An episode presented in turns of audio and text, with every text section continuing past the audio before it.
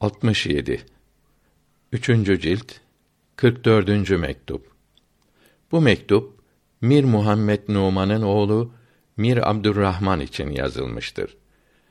Cennette Allahü Teala'nın görüleceğine inanmayanlara cevap vermektedir. Bismillahirrahmanirrahim. Allahü Teala'nın görüleceğine inanmayanlar Allahü Teala görülemez diyenler sözlerini ispat etmek için görülen şeyin görenin karşısında olması lazımdır. Allahü Teala bir şeyin karşısında olamaz. Çünkü o cihetsizdir. Cihetli olmak demek sınırı, sonu, etrafı olmak demektir. Bunlar ise Allahü Teala için kusurdur, noksanlıktır. İlahta bu kusurlar olamaz diyorlar. Bunlara cevap olarak deriz ki Allahü Teala'nın kudreti, kuvveti o kadar çoktur ki bu geçici ve zayıf olan dünya hayatında hissiz, hareketsiz, içi boş iki sinir parçasına karşısında olan şeyleri görebilmek kuvveti vermiştir.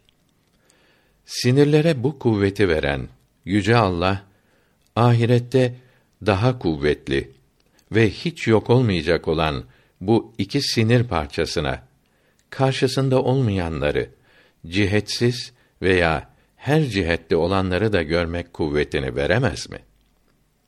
Çünkü o sonsuz kudret sahibidir ve ahirette hissedilmesi ve görünmesi kabildir. Bazı yerlerde ve zamanlarda görmek için karşılıklı ve belli yönde bulunmayı şart kılmış, başka yerlerde ve zamanlarda bu şart olmadan görmek kuvveti vermiştir. Bu iki yer birbirine hiç benzemediği halde birinde lazım olan şartları ötekinde de lazımdır demek doğrusu pek insafsızlık olur.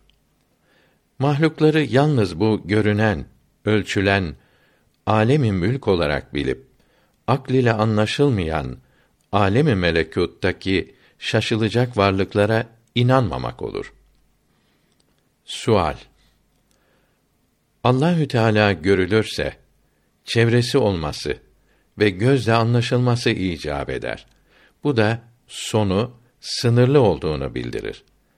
Allahü Teala'da bu kusurlar olamaz. Cevap Allahü Teala'nın görünmesi fakat çevresi bulunmaması ve gözle anlaşılamaması caizdir.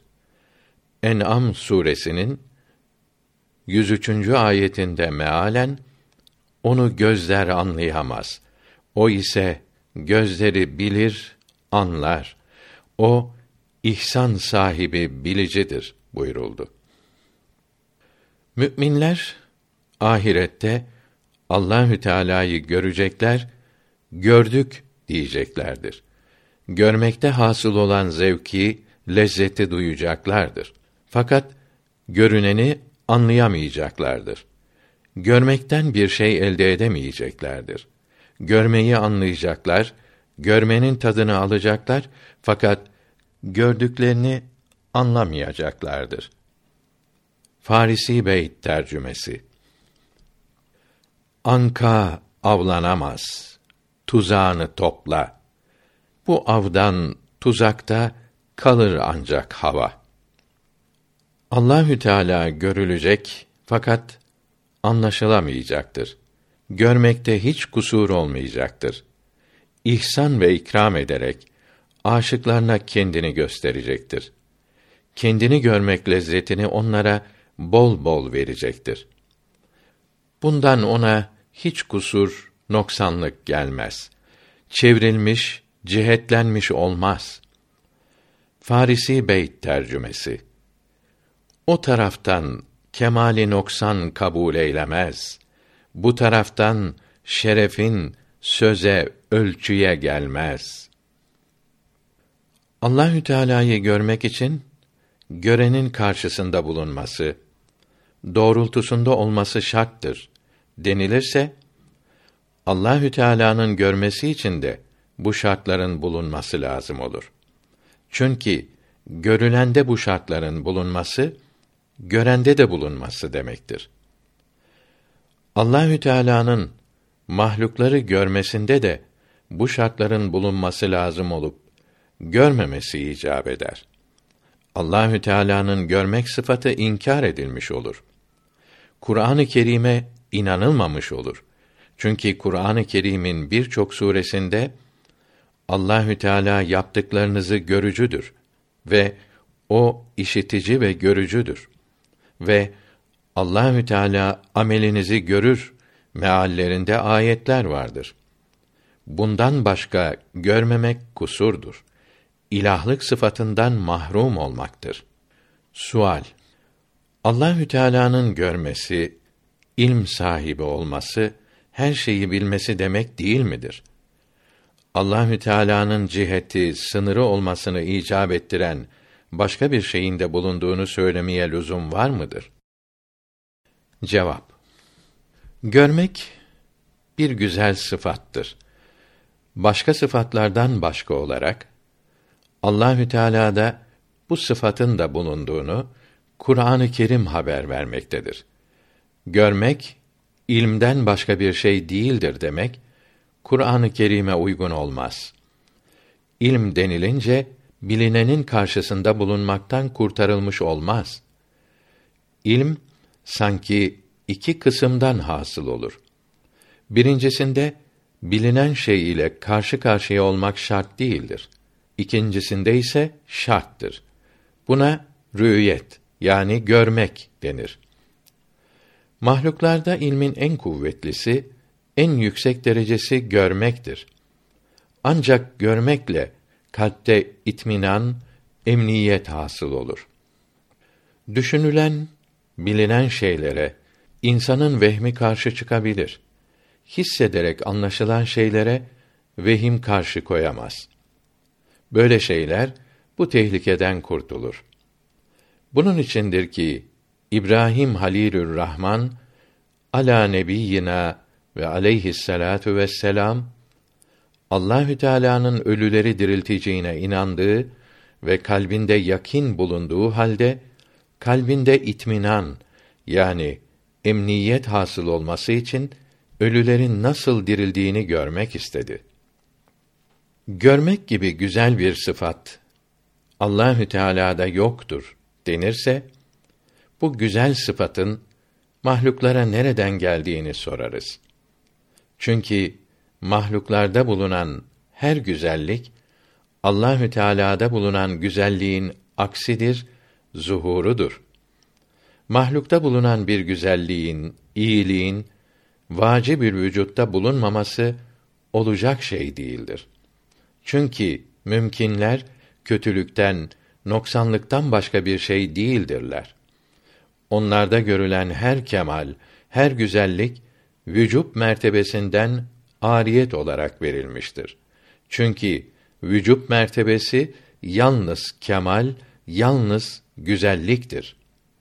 Farisi Beyt tercümesi Önceden evden bir şey getirmedim ben. Ben de ve her şeyim de sendendir, senden. İlk suale cevap olarak şöyle de deriz ki ileri sürdüğünüz sebep Allahü Teala'nın varlığı içinde tehlikeli bir düşünüştür. Onu görmek olamaz derken onun varlığı da olamaz demektir. Bu ise akla uygun düşünüş değildir. Çünkü Allahü Teala var olunca bu alemin bir cihetinde bulunması lazım olur. Yukarıda veya aşağıda, önde yahut arkada, sağda, solda olur. Bu ise onun çevrilmesi, sınırlanması demektir ki noksanlıktır, kusurdur. İlahta hiçbir kusur bulunmaması lazımdır. Sual onun varlığı belki alemin her cihetindedir. Böylece çevrilmiş ve sınırlanmış olmaz mı? Cevap Alemin her tarafında olmak çevrilmiş, sınırlanmış olmaktan kurtarmaz.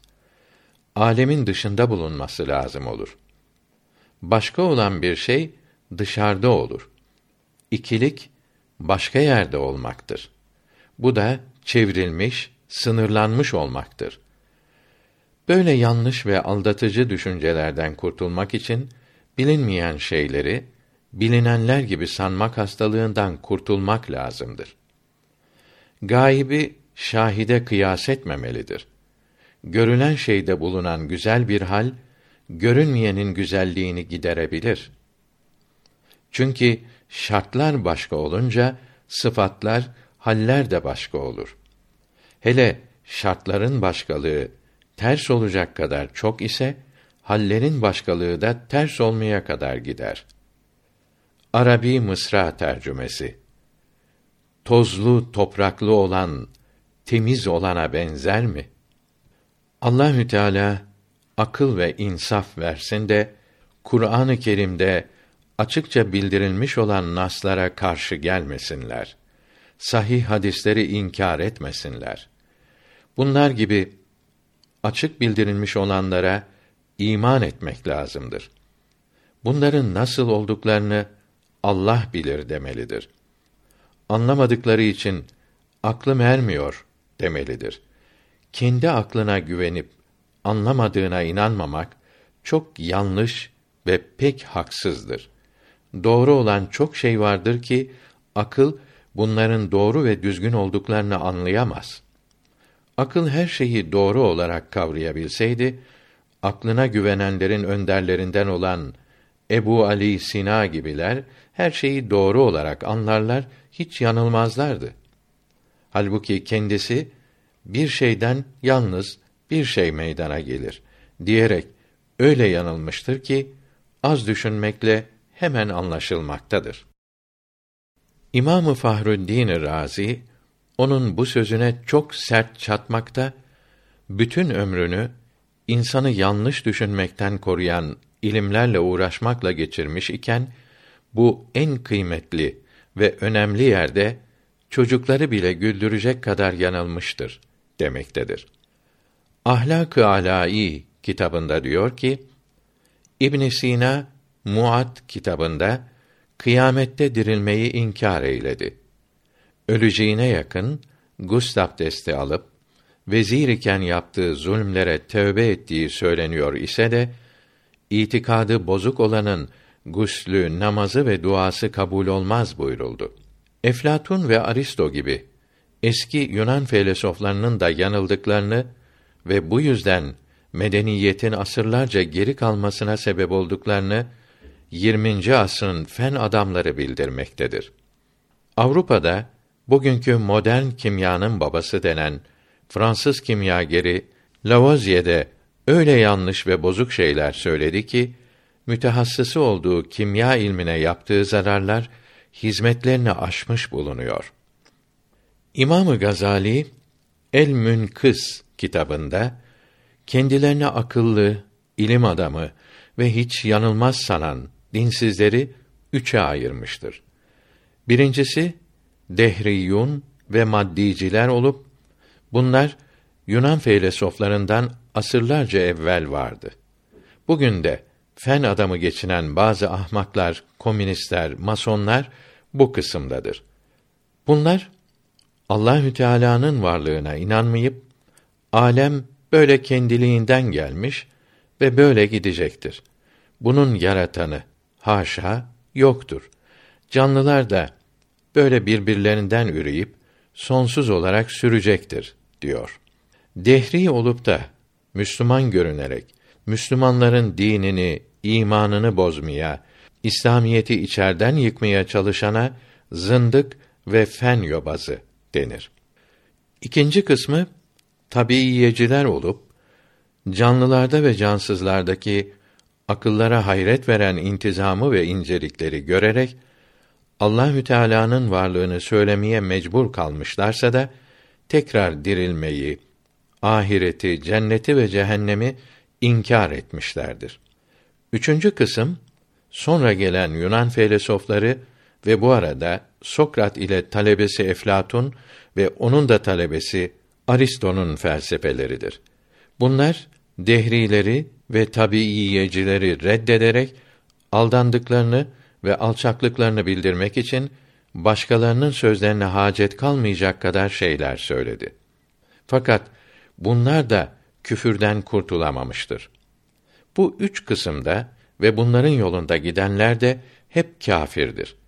Bazı saf kimselerin bunları din adamı sanması ve hatta peygamberlik derecesine yükseltmeleri bu yolda hadis bile uydurdukları hayretle işitilmektedir. Kâfirler her şey söyleyebilir. Fakat Müslüman görünenlerin iman ile küfrü ayırt edememesi çok acınacak bir haldir. Nebras ve bunun Berhurdar rahmetullahi teala aleyh haşiyesinde diyor ki mahlukların hepsine alem denir. Alem yani her şey yok idi. Allahü Teala her şeyi yoktan var etti. Demokrat alem yok idi. Kendi kendine var oldu dedi. Tabii yiyecilerin çoğu da böyle dedi. Aristo'ya göre alem heyula maddeden yapılmıştır. Şekil almış heyulaya suret, cisim dedi. Cisim de üç fiziki halinde gaz, sıvı, katı görünür. Alem böyle gelmiş, böyle gider dedi. Dört unsur ateş, hava, su, toprak ezelidir. Hep var idiler. Cisimler birbirlerinden hasıl oluyor ise de asılları olan bu dört madde kadimdir dedi. Eflatun alem önce yoktu. Sonradan var oldu diyerek eski peygamberlerin kitaplarından işittiğini söyledi. Pisagor ve talebesi Sokrat da Aristo gibi söylediler. Dimokrat maddenin küçük zerrelerden, atomlardan yapıldığını, bunların boşlukta hareket ettiklerini söyledi. Kalinos ise alemin kadim veya hadis olduğunu anlayamadığını söyledi. Onlara göre ezeli bir yaratıcının yarattıkları da ezeli olur. Sonradan yaratmaya başladı demek kudretinin önceden noksan olduğunu gösterir. Cevap olarak deriz ki ezeli olan iradesi isteyince yaratmaya başladı. Susamış kimsenin iki bardak sudan birini seçip alması gibidir. Bu kimsede daha önce irade ve kudret yoktu denilemez. Şimdi de irade edince yeni şeyler yarattığını görüyoruz. Alem önce yoktu demek, alem yok iken zaman vardı demektir. Zaman da alemdendir. Alem yok iken alemin bir parçasının var olmasını söylemek olacak şey değildir. Derlerse biz alem yok iken zaman vardı demiyoruz. Bu hususta Akaid-i Celaliye'de geniş bilgi vardır. Şimdi bu alemden sonsuza doğru sonsuz uzunluk olduğunu söylemek gibi saçma olur. Ehli sünnet alimleri rahmetullahi teala aleyhi ecmaîn diyor ki alem ayn yani madde ve araz yani özellikten meydana gelmiştir. Madde boşlukta yer kaplayan, araz ise yalnız bulunamayıp başkasıyla birlikte bulunan şeydir. Şua yani ışık arazdır. Cisim olsaydı camdan sudan geçemezdi. Çünkü iki başka cisim aynı zamanda aynı mekanda bulunamaz. Hararet ısı da böyledir. Madde cevherül fertlerden, atomlardan yapılmıştır. Madde basit cevher, element veya mürekkep, bileşik olur. Maddeyi meydana getiren atomlar arasında hissedilemeyecek kadar küçük boşluklar vardır. Her cisim, maddeler, atomlar değişmektedir. Değişen şeyler hadistir. Yok iken var olmuştur. O halde alem hadistir. Bu üç cümleden ilk ikisi mukaddemedir. Mantık ilminde birincisine sugra, ikincisine kübra denir. Üçüncüsü de neticedir. Madde ezelde var olsaydı ezelde de değişirdi. Ezel kendinden önce başka şey yok demektir. Ezelde değişiklik yok demektir. O halde madde ezeli olamaz. Nebras'tan tercüme tamam oldu. Ahmet Asım Efendi Emali kasidesi şerhinde diyor ki: Alem bütün parçalarıyla birlikte hadistir. Yani yok iken sonradan var olmuşlardır. Yerler, gökler, her şey yok idi. Hristiyanlar, Yahudiler ve Mecusiler de böyle inanmaktadırlar. Aristo, Farabi ve İbn Sina madde kadimdir dediler. İslam alimleri diyor ki ezeli olan şey değişmez. Maddenin, elementlerin fizik ve kimya özellikleri hep değişmektedir. Maddeler ezelde değişmemiş olsalardı ebedi olarak şimdi de değişmezlerdi. Önceden değişmek yoktu. Sonradan değişmeler hasıl oldu da denilemez. Çünkü değişmek için bir kuvvetin tesir etmesi lazımdır. Değişmek sonradan başlayınca kuvvetin de sonradan var olduğu, ezeli olmadığı anlaşılır. Ahmet Asım Efendi'nin yazısı tamam oldu. Görülüyor ki maddenin ezeli olduğunu söylemek, tabiat kuvvetlerinin hadis olduklarını, ezeli olmadıklarını ortaya koymaktadır. Fen ve tabiat alimleri birçok bitki ve hayvan nesillerinin tükenip yok olduklarını, birçok türlerin de sonradan meydana geldiklerini anlamışlardır. Canlı cansız her şeyin bir ömrü vardır. Her şeyin ömrü yani varlıkta kalma zamanı başkadır. Ömrü saniye ile ölçülen varlıklar olduğu gibi asırlarca yaşayanlar da vardır. En uzun ömürlü varlıklar element denilen basit cisimlerdir.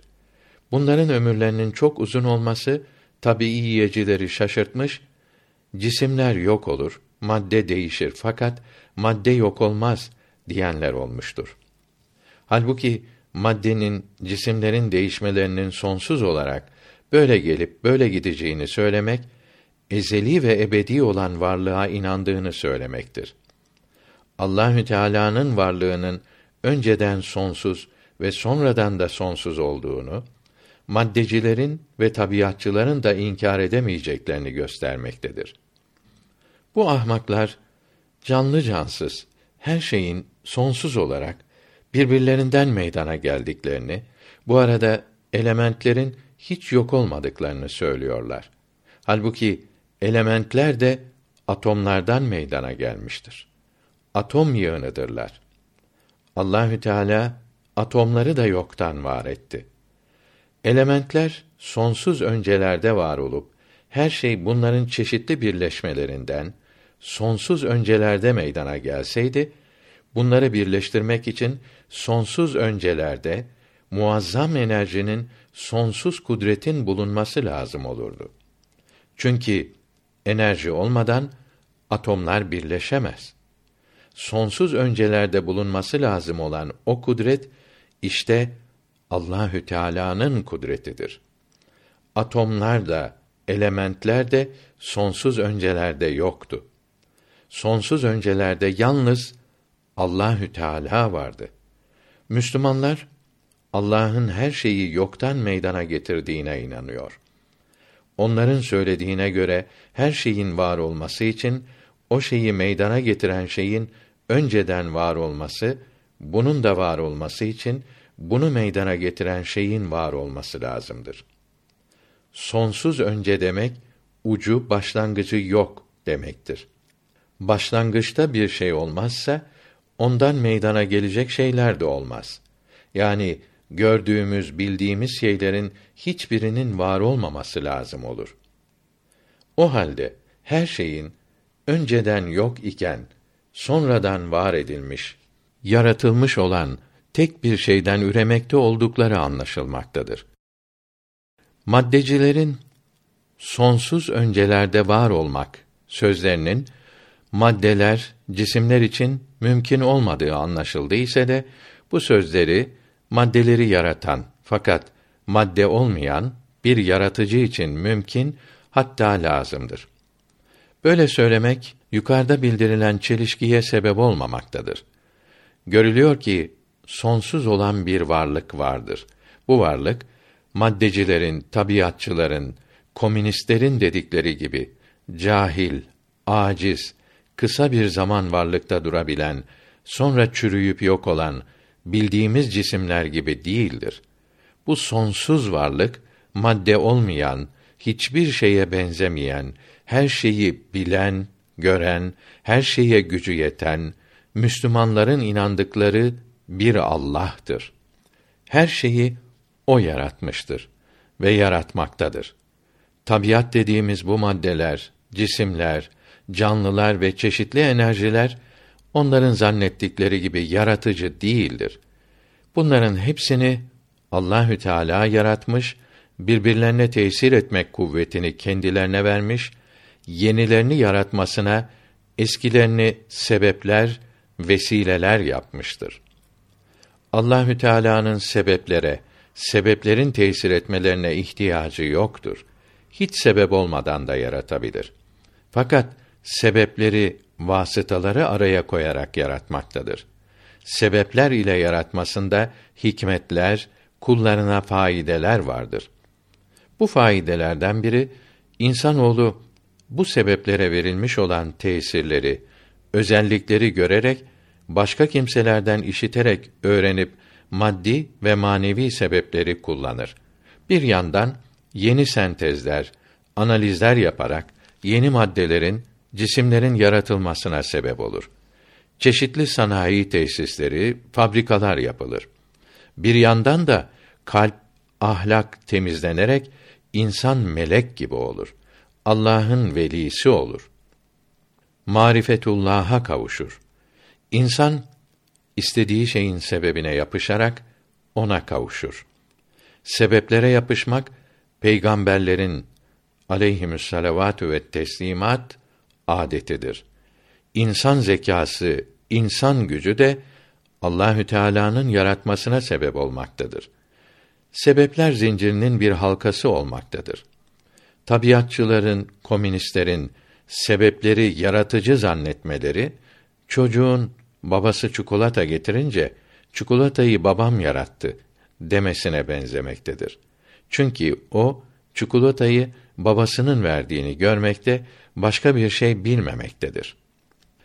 Ahmet Asım Efendi yine diyor ki Allahü Teala kadim olmasaydı, hadis olsaydı onu yaratan bir yaratıcı bulunurdu. Bu yaratıcı kadim ise Allah odur. Hadis ise onu da yaratan biri lazım olur.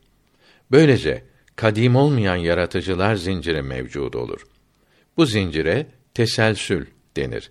Teselsül ise muhaldir, olacak şey değildir. Teselsülün muhal olduğu burhanı tatbik ile ispat olunur. Bir şeyin sonsuz yaratıcılarını birinciden başlayarak sonsuz olarak yan yana dizelim. İkinci yaratıcıdan başlayarak ikinci bir sıra daha düşünelim. Sonsuza giden ikinci sıra birinci sıradan bir noksan olduğu için kısadır. Kısa olana sonsuz denilemez.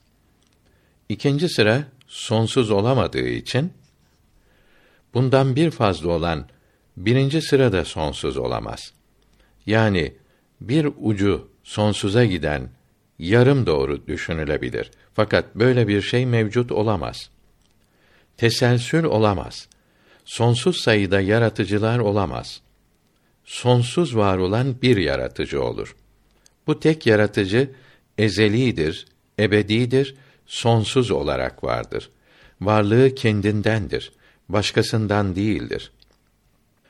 Akil ve bali olan kimse Allahü Teala'nın sonsuz var olduğunu ve başka her şeyin yoktan var edildiklerini işittikten sonra aklını kullanmayıp, düşünmeyip buna inanmazsa veya aklını kullanıp düşünüp de bunu akıl kabul etmez, fenne uygun değildir diyerek inanmazsa kâfir olur. Cehennemde sonsuz azap görür, yanar. Ahmet Asım Efendi'nin yazısı tamam oldu. İnsan işitmediği için düşünmezse ve düşünmediği için de anlamaz, iman etmez ise yine kâfir olur. Cennete girmez. Fakat cehenneme de girmez. Kâfirlere yapılan azap buna yapılmaz.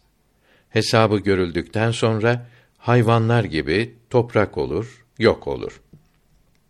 Allahü Teala İsra suresinin 15. ayetinde mealen peygamber göndermedikçe azap yapmayız buyurdu. Bu ayeti kerimeden anlaşılıyor ki Allahü Teala'nın var olduğunu, bir olduğunu anlamak için tabiattaki nizamı, düzeni incelemek, peygamberlerin aleyhimüsselavatü ve teslimat haber vermelerinden ve bu haberleri işiterek, okuyarak öğrendikten sonra farz olmaktadır. İbn Abidin Mürtet babında buyuruyor ki, Buhara alimleri dediler ki, peygamber gönderilmeden, tebliğ yapılmadan önce teklif yapılmaz. Eş'ari mezhebi böyledir. Muhtar olan kavl de budur. Bu alimler yerleri ve gökleri ve kendini gören aklı başında bir kimsenin Allahü Teala'nın varlığını anlamaması özür olmaz. Sözünden murat ve maksat peygamberlerden aleyhimüsselavat ve teslimat işittikten sonra anlamaması özür olmaz demektir dediler. İmam-ı Rabbani Kuddisesi Ruh da 266. mektubunda böyle buyurmuştur. Eflatun'un İsa aleyhisselam zamanında yaşadığı Burhanı Katı kitabında yazılıdır. Avrupa kitaplarında Eflatun'un milattan yani İsa aleyhisselam'ın dünyayı teşrifinden 347 sene önce öldüğü yazılıdır.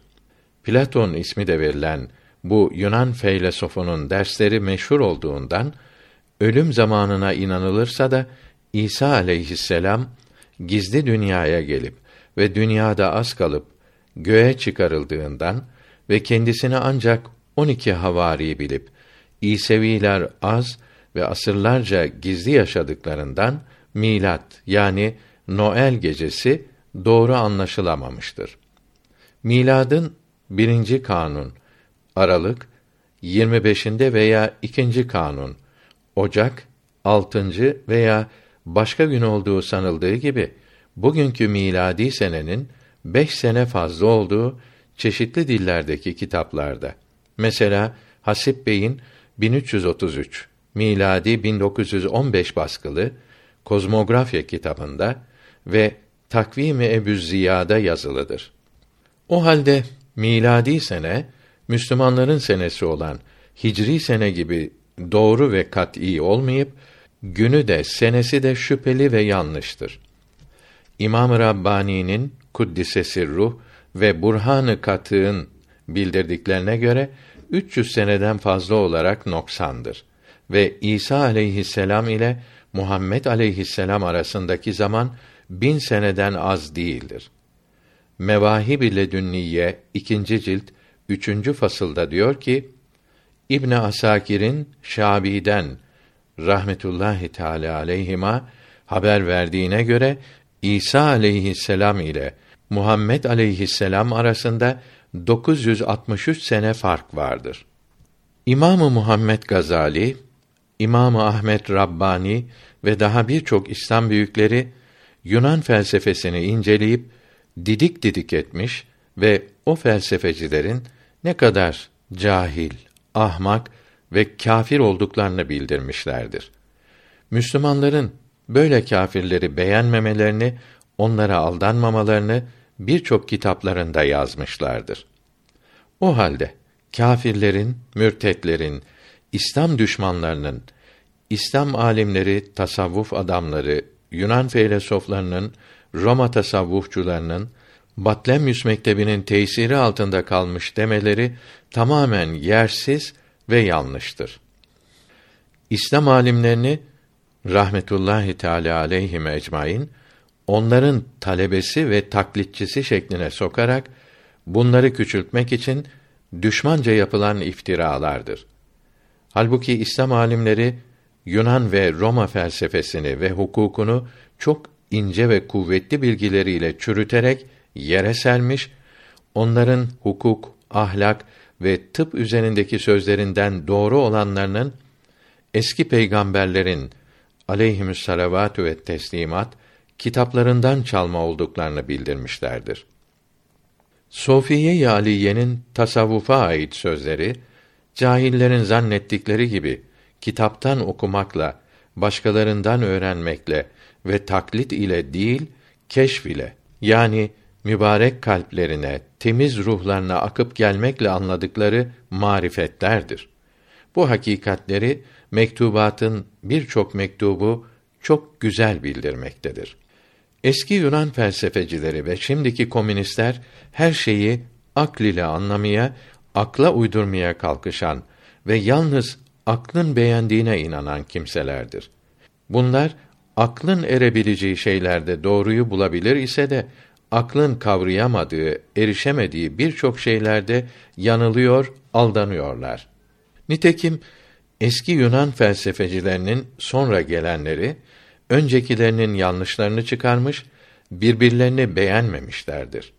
İslam alimleri rahmetullahi teala aleyhim ecmaîn zamanlarına kadar olan fen bilgilerini okuyup ve 80 bilgiyi iyi öğrendikten sonra İslamiyetin gösterdiği yolda kalplerini açarak, nefslerini temizleyerek aklın erişemediği bilgilerde de doğruyu bulmuşlar, hakikate varmışlardır. İslam alimlerine felesof demek bunları küçültmek olur. Felsefeciler yanılıcı olan aklın esiri, mahkumu kimselerdir. Bunlar tecrübe etmeyip akl ile söylediklerinde ve deneyleri açıklarken vehimlerine kapıldıkları zamanlarda aldanıyor, zararlı oluyorlar. Bunun için ve aklın üstüne çıkamadıkları için bunlar İslam alimi gibi yüksek olamaz. Aklı olmayan delidir. Aklını kullanmayan sefihtir. Akla uygun iş yapmamak sefahettir. Aklı az olan da ahmaktır. Yalnız akla uyup, yalnız ona güvenip, aklın ermediği şeylerde yanılan kimse felsefecidir.